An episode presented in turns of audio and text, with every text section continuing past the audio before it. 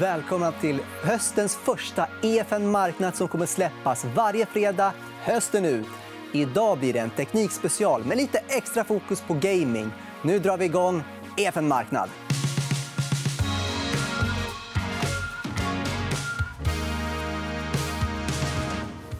Teknikbolag kräver sina teknikförvaltare. och Därför har vi med oss Karl Armfelt och Helene Broman. Varmt välkomna båda två. Tack så mycket. Hur har er sommar varit? Hur är tempen på teknikdelen? Nej, men den har varit intensiv. Full rulle, får man säga. Samma här för dig. Jag tycker framförallt varit lite lugnare på rapportfronten. Jag tror det skulle bli en, en ödessommar vissa veckor, men det har varit rätt lugnt. Tech har gått bra. Okej, tech har gått bra. Men det har det verkligen. Och vi ska ju hoppa till eh, gaming som har varit otroligt, otroligt hett eh, i och med att det var under corona så klarade de sig ganska bra. Och nu är det fortfarande liksom väldigt hett. Eh, vi ska prata om Stillfront, men det blir inte bara någon lös graf och löst snack. utan Vi har till och med med oss vd för Stillfront, Jörgen Larsson. Varmt välkommen, Jörgen. Tack så mycket. Ja, skulle du kunna bara summera hur eh, den här sommaren och kanske kvartalet innan dess har gått för er och ja, men hur du ser på närmaste framtiden? I kvartal två så tar vi många och stora steg mot vår vision att bli ett tre gånger så stort bolag. Vi är väldigt nöjd med den vinsttillväxt som vi har om 177% Vi har faktiskt I kvartal 2 20 så har vi en vinst före avskrivningar som är större än omsättning i kvartal 2 2019. Så vi, vi tuffar på. Eh, och vi, har, vi, kan ta en tittarfråga från Gustav Kullberg. Som, eh, han pratar om att det är mycket förvärv som sker i den här sektorn. Ehm, och det har även lett till lite högre multiplar. Hur ser du på det? Jag tycker att det har varit hög aktivitet under en viss tid. ska man också först komma ihåg. Men, men visst har det skett en hel del affärer senaste halvåret, inklusive våra. Och jag tycker framför allt nu när man ser att Take-Two och andra börjar förvärva inom free to play att det är en bekräftelse på att det är här den stora tillväxten. Mobilt, free to play. Det är en väldigt spännande tillväxtdel av spelmarknaden. Och hur ser ni på eh, att förvärva flera mobilspel på den här marknaden i och med att men, det är väldigt tätt? Många lär väl vilja komma in i detta? Jag tror att någonstans så, vi har ju en tillväxtagenda. Vi har rest eh, cirka 1,2 miljarder ytterligare. Trots, ovanpå det har vi en bra eh, kassaflöde. Det gör ju vi för att vi tror och hoppas att vi ska kunna göra fler förvärv som är värdeadderande. Så vi har en explicit ambition. Det är andra som har det. Vi tror att kanske om, om 12-15 månader kommer det bli en hårdare konkurrens som börjar byggas upp nu. Men det, det är ingenting som sker dramatiskt nu. Eh, men vi, vi har fortsatt höga ambitioner. Eh, och vi har fått en till tittarfråga från Mikael Svensson som undrar hur stark är tillväxten av långsiktiga spelare? Alltså spelare som liksom fortsätter länge hos er. Ja, vi har ju spel som eh, är byggda för att man ska kunna eh, spela dem över väldigt lång tid. Hela den speldynamiken. Så det är helt enkelt inte så roligt att spela våra spel bara ett eller två kvartal eller något liknande. Så att när vi fyller på med spelare så är det så att en liten del av de spelarna stannar väldigt, väldigt lång tid. De, så ju längre man har varit inne i vår spelupplevelse, desto lägre churn, alltså om, lägre andel försvinner. Och vi har ju aldrig tagit in så många spelare som vi gjorde i Q2 och även högt intag i Q1. Sen är det naturligt en del endast som stannar kvar lång, över lång tid. Men totalt sett så har vi en mycket god tillväxt av spelare som kommer att njuta av våra spel över väldigt lång tid. Eh, Arnfelt, har du någon fråga till? Nej, men finns det några tidiga indikationer på de här kohorterna? Då? För Det är det som är väldigt intressant. De spelare som har kommit in under våren, tror ni att de är väldigt lika tidigare eller inte? Ja, det är en berättigad fråga. Vi har nu kunnat samla mer data eftersom vart efter tiden har gått. Vi hade en hypotes om att de användare som kommer in kommer att uppvisa ett liknande mönster som Q1 eller Q2 förra året. Just för att våra spel är av den karaktären att man spelar dem över lång tid. Nu har vi samlat data och så här långt så stödjer det datat när vi tittar på användarkorten den hypotesen, det vill säga att de här spelarna kommer att bete sig som andra vi har tagit in inklusive att det finns en semester, så att säga, en Q3-säsongseffekt som är något lägre och så är vi normalt starkare i Q4. Och avslutningsvis, om vi blickar de kommande fyra kvartalen vad tycker du är mest spännande som kommer? det finns mycket spännande som ska hända här. Men vi, vi har en, jag tycker att vi uppvisar en högre effektivitet i hur vi uppnår vår organiska tillväxt. Vi har lyckats växa nu, som jag nämnde, eh, vinsttillväxten 177 procent, topline växer vi med, med 140 procent ungefär. Hög andel organisk tillväxt. Vi gör det med allt effektivare marknadsföring. Så vi har lagt 19 procent relativt vår omsättning här senaste 12 månaderna. Och det, att om vi ska kunna, kan vi fortsätta ha en sådan hög, hög effektivitet, eller kanske ännu mer, det tycker jag är en, en väldig styrka, för det betyder att vår liveops fungerar.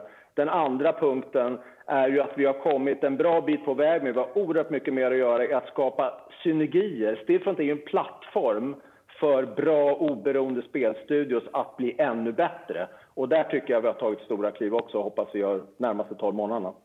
Ja, vi får önska dig lycka till de närmaste 12 månaderna. Och tack för att du var med oss. Stort tack för att du var med oss, Jörgen. Tack så mycket. Ja, har, eh, du har ju eh, Stillfront i portföljen. Men Helene, har du någon åsikt? Eh, vi, har, vi tittar globalt. så att Vi har ett par svenska, svenska namn i dataspelsbranschen men inte, vi har inte innehav i just det här bolaget. Eh, men däremot så har vi Nintendo som är ett bolag eh, som japansk spelutvecklare eh, som de flesta jag säga, känner till. Eh, och det är ett relativt nytt innehav i vår portfölj som vi plockade in i mars. Eh, de har en otroligt stark portfölj med, med, med, eh, med starka, starka varumärken och starka Mario, titlar. Super Mario. Mario, till exempel. Så att eh, vi, vi såg väl ett läge här när, när börsen föll på en allmän oro. Och, eh, de skulle släppa ett spel i mars, Animal Crossing. Det var väl tajmat i och med eh, lockdowns och pandemin. Så det, det, det, är ett spel där man, man bygger sin paradisö. kan man säga. Eh, och, eh, hittills så har de sålt 22 miljoner spel av Animal Crossing. Och om man jämför med Mario Kart 8 Deluxe som släpptes jag tror att det var 2017 eh, så har, har de hittills eh, sålt 26 miljoner titlar. Så det här är en otroligt bra lansering. Och eh, det har också inneburit många fler eh, mycket fler försäljning av Switch-konsoler. Så att senaste kvartalet så sålde Nintendo eh, 6 miljoner nya Switch-konsoler. Men samtidigt så, vi har haft fler förvaltare som varit här och pratat om Nintendo med oss. och Då har många pekat på att ja, visst, det är kul med nya spel. och så vidare. Det är jätteviktigt. Men de här gamla spelen som bara liksom ligger där i nåt arkiv det säljs ju in som eh, nya alltså, retrospel som eh, man kan köpa men, online på Nintendo. Och det är pengar som man det, får in Det blir en väldigt bra kassako. Och, eh, det har man ju sett i andra spel, dataspelsbolag också. Att det gamla spel det blir en väldigt bra kassako. Du kan släppa DLCs eh, på, på, spelen som är uppgraderingar. Och, eh, sen så helt enkelt så blir det väldigt gynnsamt när man då har en, en ny lansering som Animal Crossing som är väldigt lyckosam. Eh, du, Arnfeldt, Nintendo kanske är för stort för er portfölj? I, i vår globala World Tech-fond är Nintendo faktiskt största innehav. Så att, eh, och den var lite sömnig när vi startade fonden men har kommit igång rätt ordentligt under sommaren. Så att, eh, det är lite byråkratiskt bolag. Det är ett stort bolag, men största värdet som vi ser det är också varumärkena. Gammalt IP. Och att göra eh, mixovers, mashovers, kombinationer mellan olika titlar det kommer inte att sluta. Det ser vi inom eh, film, men i ökande grad inom dataspel. Så att bland de globala jättarna så är det faktiskt... Eh, tittar man på kassaflödevärdering mot varumärke fortfarande väldigt, väldigt billigt. Men är ni inte lite oroliga för konkurrens från Sony och Microsoft som ska släppa sina nya konsoler väldigt snart? Nej, jag tycker att Xbox kommer, den konkurrerar med Playstation. Ja. Men Switch har en särposition. och Den särpositionen kommer nog fortsätta vara rätt stark. Faktiskt. Och du håller med om det? Ja, absolut. Och även på, liksom, på sikt så finns det stor potential för, för, ehm, för Nintendo att växa. Och där får vi en attraktiv värdering skulle jag säga, i sektorn. Och om vi då hoppar vidare till fler gamingbolag så har du fått en fråga av Mikael Lasota som undrar vilket gamingbolag tycker du är mest spännande just nu. Om man kollar på bäst Pipeline, så fortfarande ska säga, i nominella termer så är Take-Two i en egen liga. Det finns inget annat bolag som har så många fina varumärken och som faktiskt har en väldigt bred och djup pipeline. Tänker man mot värdering då skulle jag faktiskt säga att Ubisoft har en mycket finare pipeline nu än för ett år sedan. Och det är ett bolag som handlar på 17 gånger ebit. Så det är billigt och har lite momentum i titlar. Jag tror faktiskt, både i Norden och i USA så har jag ändå sett att spelutvecklare har en helt annan värdering nu än för ett år sedan. Förut så fattade inte folk sektorn. Nu förstår folk i USA och i Norden sektorn. Men jag tror att i Frankrike det finns inte lika många peers. Det är lite förbisett. De har haft det lite tufft tidigare. Men, men pipeline mot värdering så säga att Ubisoft är en av den som står ut absolut mest just nu. Och du har nåt förutom Nintendo som eh, du vill lyfta upp i gamingvärlden? Eh, vi har bland annat ett brittiskt bolag, Frontier Development. Vi har även Team 17. Eh, så att vi har ett gäng bolag inom, mm. inom sektorn. Men det som jag kanske skulle vilja lyfta fram är väl att jag får ofta frågan eh, just att värderingarna har, har dragit iväg inom datorspelsbolagen eh, i och med coronapandemin också och hur man ställer sig till det.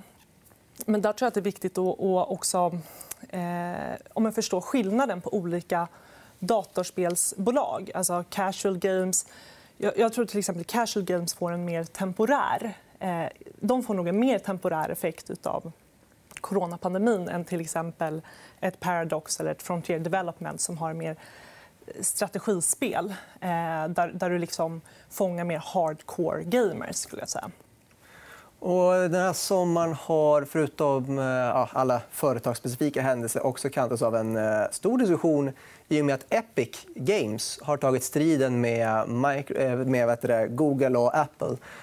Och det är en rätt stor strid att ta. Ehm, hur ser ni på den striden? Vi har träffat Epic flera gånger. Det är ett bolag som är ganska modigt. De vill ju verkligen lyckas och de har kommit otroligt långt med Fortnite.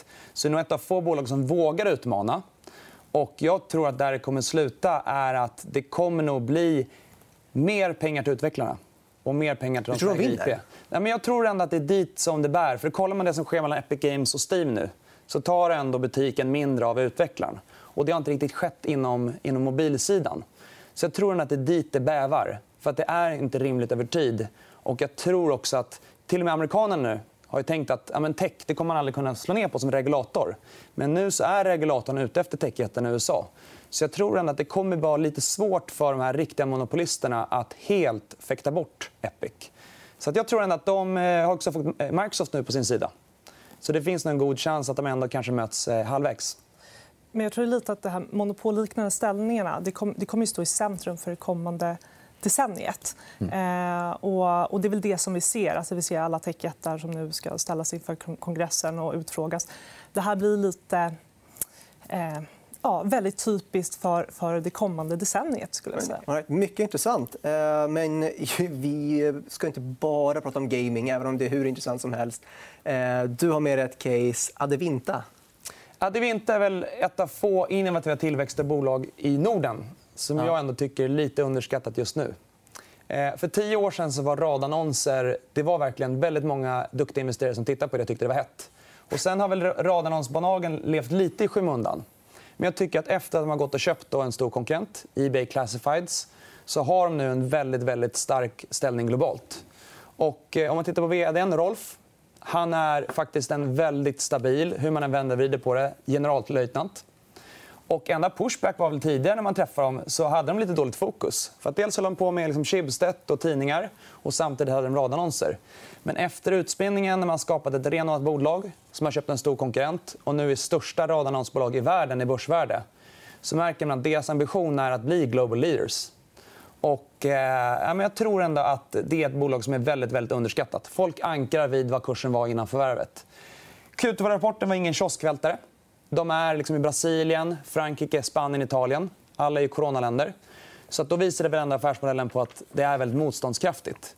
Men över tid, på 5, 10, 15 år, så tror jag att det här är en sån game changer när man köper ett så stort bolag att man underskattar den långsiktiga potentialen. Många andra techbolag och innovativa bolag har rört sig mycket i sommar. Eh, Adevinta har också gått starkt efter det här förvärvet. Men ändå, jämfört med mycket annat som är kanske lite för högt värderat så tycker jag ändå norskt tillväxtbolag det är, flyger lite under radarn.